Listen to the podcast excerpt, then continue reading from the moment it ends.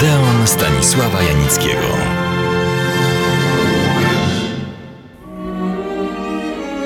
Przyznam, że sprawia mi przyjemność, kiedy grzebiąc w dawnych, skądinąd znanych mi filmach, a także prasowych tekstach o nich, ciągle mnie one jeszcze zaskakują i dokonują jakichś odkryć.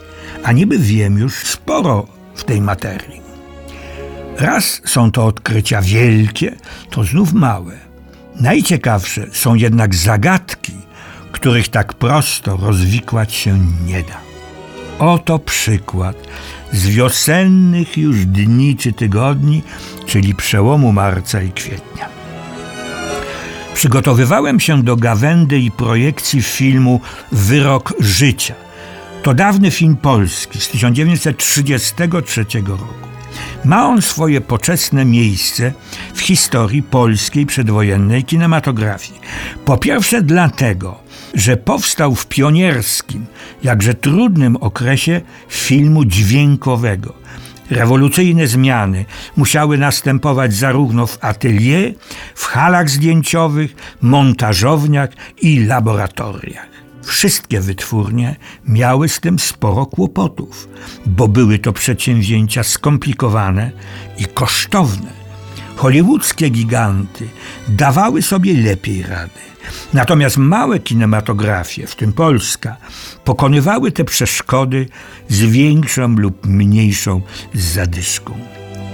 Dlatego każdy film dźwiękowy z okresu heroicznego zasługiwał na uwagę. Drugi powód jest równie, a może nawet ważniejszy. Jest tajemnicą Poliszynela, że zainteresowania naszych producentów, a co za tym idzie scenarzystów i reżyserów, były aż nadto wyraziste. Widz ma, oglądając film w kinie, pękać ze śmiechu albo szlochać tonąc we łzach. I tak też w większym czy mniejszym stopniu oraz na różnym poziomie się działo. Ale film powinien również, rzecz jasna, od czasu do czasu opowiadać historie prawdziwe. To znaczy, bohaterowie mają stąpać po ziemi, przeżywać zdarzenia i konflikty niekoniecznie księżycowe, ale bliższe temu, co siedzący na sali kinowej widzowie znają.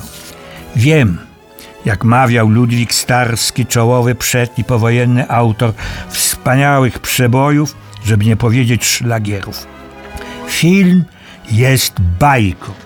Zgadzam się, z jednym zastrzeżeniem. Opowieści, które snuje kino, literatura, nawet muzyka, nie zawsze muszą być li tylko bajkami. I wyrok życia, o dziwo, taką bajką nie jest. Bezczelnie zacytuję swoje streszczenie tego filmu, które poczyniłem prawie 30 lat temu, ale nie sądzę, by przestało ono odzwierciedlać istotną treść filmu. Oto ono. Przed sądem toczy się rozprawa przeciwko dziewczynie, która zabiła swoje dziecko. Grozi jej kara śmierci. Tylko obrończyni, Krystyna, nie wierzy w jej winę. Od Hanny, czyli tej dziewczyny, dowiaduje się, jak doszło do tego tragicznego wydarzenia. Hanna grają przejmująco młoda Jadwiga Andrzejewska, pochodzi z biednej rodziny. Przyjechała do Warszawy i znalazła pracę w mennicy. Za zaoszczędzone pieniądze wybrała się z koleżankami na wycieczkę za miasto. Spotkała mężczyznę, któremu naiwna i lekkomyślna uległa. Usiłowała go potem odnaleźć, ale on nie zostawił po sobie żadnego śladu. Kiedy już nie dało się ukryć, że jest w ciąży, wyrzucono ją z pracy. Bez środków do życia tułała się, przepędzana z miejsca na miejsce.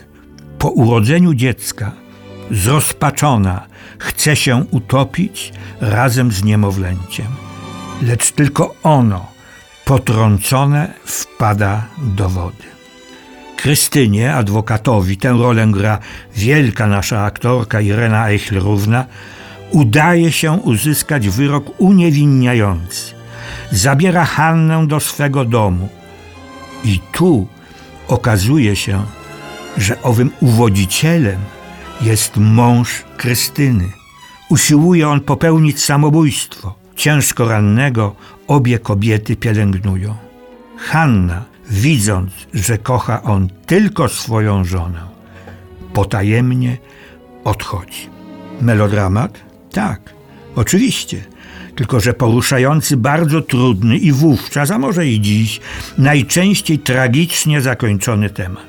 To nie jest mezalians, jak w trendowatej czy złotej masce, dosłowny dramat zazdrości, jak w Gehennie.